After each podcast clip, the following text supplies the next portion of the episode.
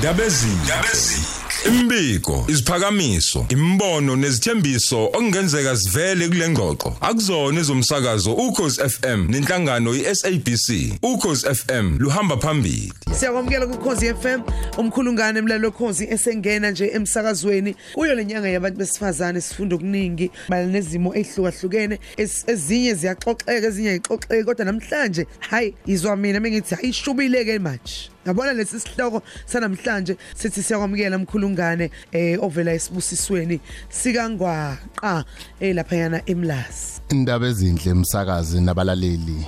Ungibingelele indlunkulu yakwaZulu. Ngibingelele indaba ezitha singabakho. Ngibingelela amakhosi onke abanomzane. Awu madoda siyabingelela oza kwethu esisebenzisana nabo kulomsebenzi ngibingelele nakodokotela basentshonalanga. Ngibingelele imbokode yonke awu inyanga yenu mbokode. Mbokode nafaniswa nembokode ngempela ngoba imbokode yenza izinto eziningi. Imbokode iyona egaya ukudla. Imbokode inomsebenzi omkhulu futhi omningi. Uyabona umama njengoba efaniswe nembokode nje? Ufaniswe netshe. Elenza umsebenzi. Umama phela uyinsika. Uma yekhaya ubaba uwuphahla.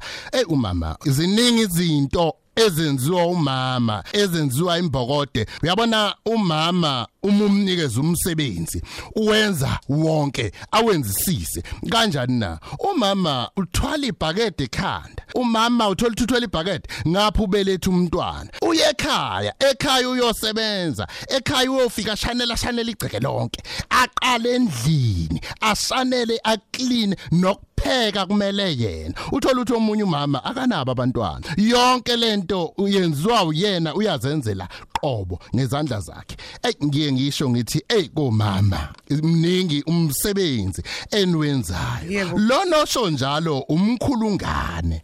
Ngokudabuka udabuka emtubatuba egunjaneni kwampukunyuni lapha dabuka khona. Lapha khona ke usemlazi okwamanje. Abamaziyo ke bambiza ngogqozolo bambiza ngenkunzi yokakwa awufohla abantu bevalile. Isidindi somtshiki ke yiso lesi esikhulumayo. Ey wayisetha amnandi mkhulu isibingelelo sakho esihle eh siyayilungiselela nathi eh ngengqondo ukuthi hey into esokhuluma namhlanje ngayo mlaleli? Eh chazela nje idliso hey msakazi. Sikhuluma ngedliso ke namhlanje ekseni sazoya enkonzweni eh kodwa siphila impilo yangempela ngithi. Siyayibona izinto zenzeka mayelana nedliso? Eh siphinde futhi sizwe ukuthi okunye kuhambe kahle okunye kuhamba kahle. Okunye uthola ukuthi impilo zabantu ziyashabalala abantu ba badlula nasemhlabeni ngenxa yalento ekuthiwa idliso. Eh eh, eh, thina abanye bethu nje sikhule siyisaba. Uyabona? Omunye isibindi azasithole yabona ngokukhula ngohamba wesikhathi ukubona ukuthi ey into zama zenzeki omunye usuke seqhudelana nabangani bakhe imbokodo yabona nje kunaleyo nto ngesisikhathi sokuthi ey umuntu osifazane abanye sebenza ukuthi sebenza ukuthi kodwa nje kumina akwenzeki akuhambi kahle ngobani? Fanele kube khona into engizoyenza. Bese kuthi kube khona lento uma wami ayengixoxela ngayo ukuthi ay zanti izinto zokwenzeka ngesikhathi sazo nangendlela yazo. Zenziwe uNkulunkulu. yebo. Eh wena nje ukuthi uzilungiselele uziphathe kahle uthathe nazi ifundiso uzophila. Uyabona?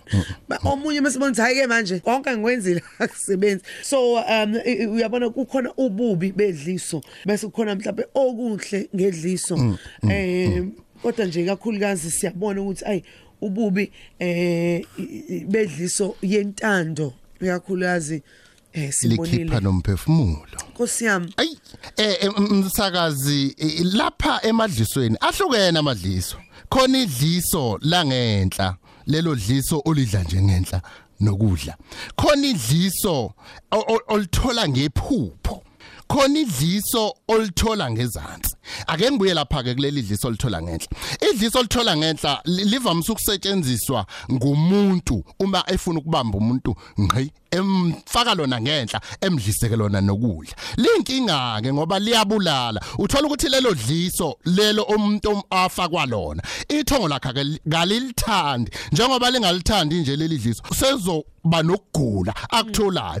Uma eya ko- kodokotela bafike bemtshela ukuthi une TB kanti unedliso. Inkinga ke indaba yalo ngoba uma umuntu eselitholile ake ngithi nje lidlisa udlisa umuntu ngoba efuna ukuthi eh, akuthande kakhulu. Eh, lowo muntu vele odlisiwe udonswa ngekhala. Ngisho bembonisa abakubo noma abangani bakhe bethi bayamtshena hayibo akezwa lutho. Ugijima yena ahamba yokuceba kuye lo muntu olifakile. Uyabona? Idliso ke lelo elingena ngenhla mawudliswa ke abantu. Linkinga futhi ngoba wena muntu odlisiwe.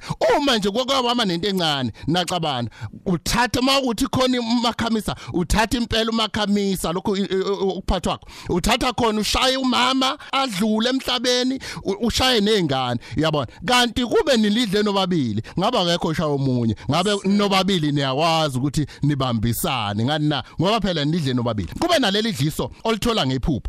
Idliso olithola ngephupho liba inkinga ke lona umsakazi ngoba isikhathi esiningi abantu abalithumalayo abantu abagangayo abantu uthola ukuthi bayakudlisa kade babekufuna. Mabe bazi ukuthi mabe lithumela ulele ngesikhafulo vele liyangena. Usuzogula nakhona muye kodokotela bazokutshela ukuthi une TB hayi kanti yini? Idliso uyabona? Kuyehlukana. I- okunye umsakazi kulelo dliso. Uthola ukuthi umuntu ufuna ukukhipha intombi noma umuntu wesifazane ufuna ukukhipha ukhiphe enye intombi kule ndoda. Ustar ustar wakhe. yebo. Umnaka- usezosebenzisani ke ufuna umnaka wakhe. yebo. Usezosebenzisa isikhafulo lesikhafulo sizoya nje ngqo. Kule kule kule ndoda. Ngalesikhathi siya lapha uzothi mayihlangana nalo sekuyisichitho ke leso. Uyabona? Yini leyo? Isikhafulo nge- ngedliso kunjalo msakazi. Bese kuba yilele lele lingena ngezansi. Elingena ngezansi ke lithanda ukubanza inyenyana ngoba lisuke kungelokubamba. Liyabamba nje. Abanye ke kodwa ke babuye belisebenzisa ukuganga phela benza amalumbu. Uyabona? Kodwa nalo liyabulala lelo dliso ngoba ithongo lakho malingalithandi noma ingelosi zakho mali zingalithandi uyagula wena ofakwayo uyabona? Ngesikhathi usugula kuba inkinga ngoba sekufanele uyokwelashwa. Nalokufakile akasasho ukuthi awuyimi njalo engimfakile awu ngibe nephutha. Ah, uyabizwa lento umsakazi. Nkosi yami. I- i- isikhathi esiningi ke umsakazi ngiye ngithi uma ngitshena omama ngithi omama ngoba bayimbhokode omama abantu abathi mabekhuleka bakhuleka umthandazo ubuye manje. Uyabona msakazi? So ngiye ngithi kubona ingelosi yabo noma amathongo abo ukuze angadedi kubo kufanele makukhona ngeke ukuthi ungahlutshukwa ingane yenza izinto iziyohlala lehlathini kuthiwa liphara. Uyabona? Kodwa ukwazi ukukhuleka khuleka mama guqa ngedolo bopha isifociya mama ukhuleke. uNkulunkulu ngeke akulahle. uNkulunkulu uyohleze nawe. Ngobani? Uyakhuleka. Omama abantu abakhuleka njengoba uzwe nje kuthiwa kunolwesine lo mama. Olo mama lukhethelekile. Uyabona?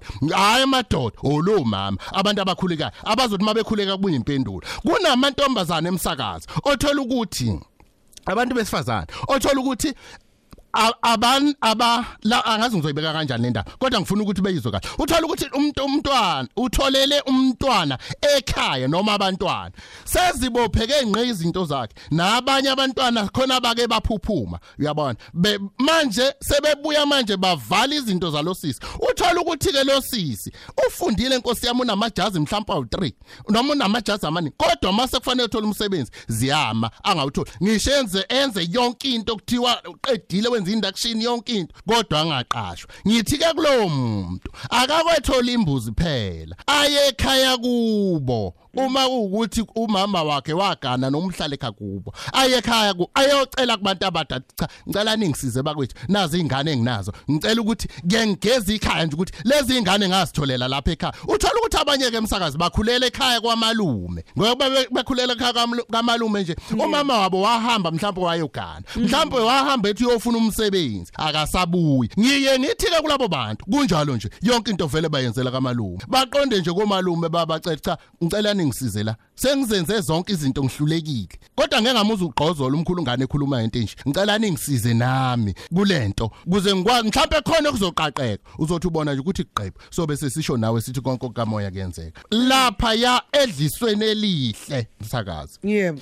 edlise elihle emsakazi lisetshenziswa abantu ababili. Ake ngisho njalo. Abavumelene. Abavumelene. Elihle lelo dliso. Futhi limnandi uma lizosetshenziswa njengedliso lekhaya. Ngisho ngathiwa abantu basekhaya bawu30 kuyaphezulu kodwa ngisho ngathiwa omama bathathu. Uma nje kuvunyelwene nalabo mama. Balala ngisho embhedeni owodwa uma bathengela iqueen balala kuyo bangaphazamisani. Bathandane ngobani? Kusetshenziswe idliso lasekhaya. Bahlanganisiwe yapheleliswa into yabo. Hayi ukuthi qala bebenza ngomlingo. Cha bebengenzi ngomlingo. Ngoba uzwe nje kuthiwa indoda kayipheli. Uyabona msakazi kushiyo lokhona ukuthi iyagano nje iqhubeke. Kodwa ke abantu esikhuluma ngabo namhlanje sikhuluma ngembokodwe sikhuluma ngomama. Omama bakhala kube manzi Eyinkosi. bathandaze beze bekhale bebe nesibibithwane Yebo, inkosi yami uthola ukuthi kabanayo nemali yokondla abantwana babo.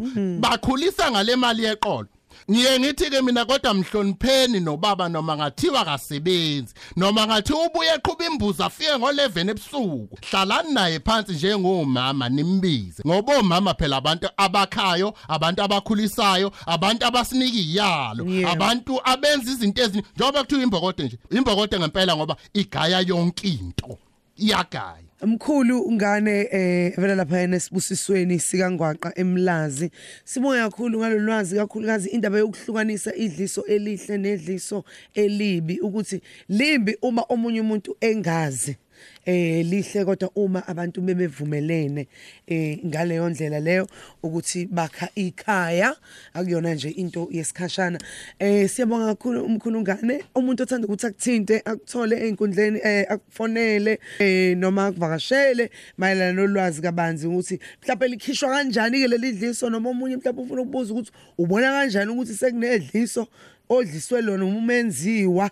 Uyabona eh lezo zimo lezo omunye mhlawumbe uhleli simweni akaboni eh utholakala kuphi na la ngitholakala khona kwamanje ngitholakala e- e- emlasi eh nge- nge- ngenyanga ezayo ke ngizobe ngitholakala emtubatuba kwampukunyoni. Ngomhla ka4 September ngizobe nginabantu abathi mkhulu sicela usiqaqele nje kasaboni lutho kasaboni muva kasaboni phambili.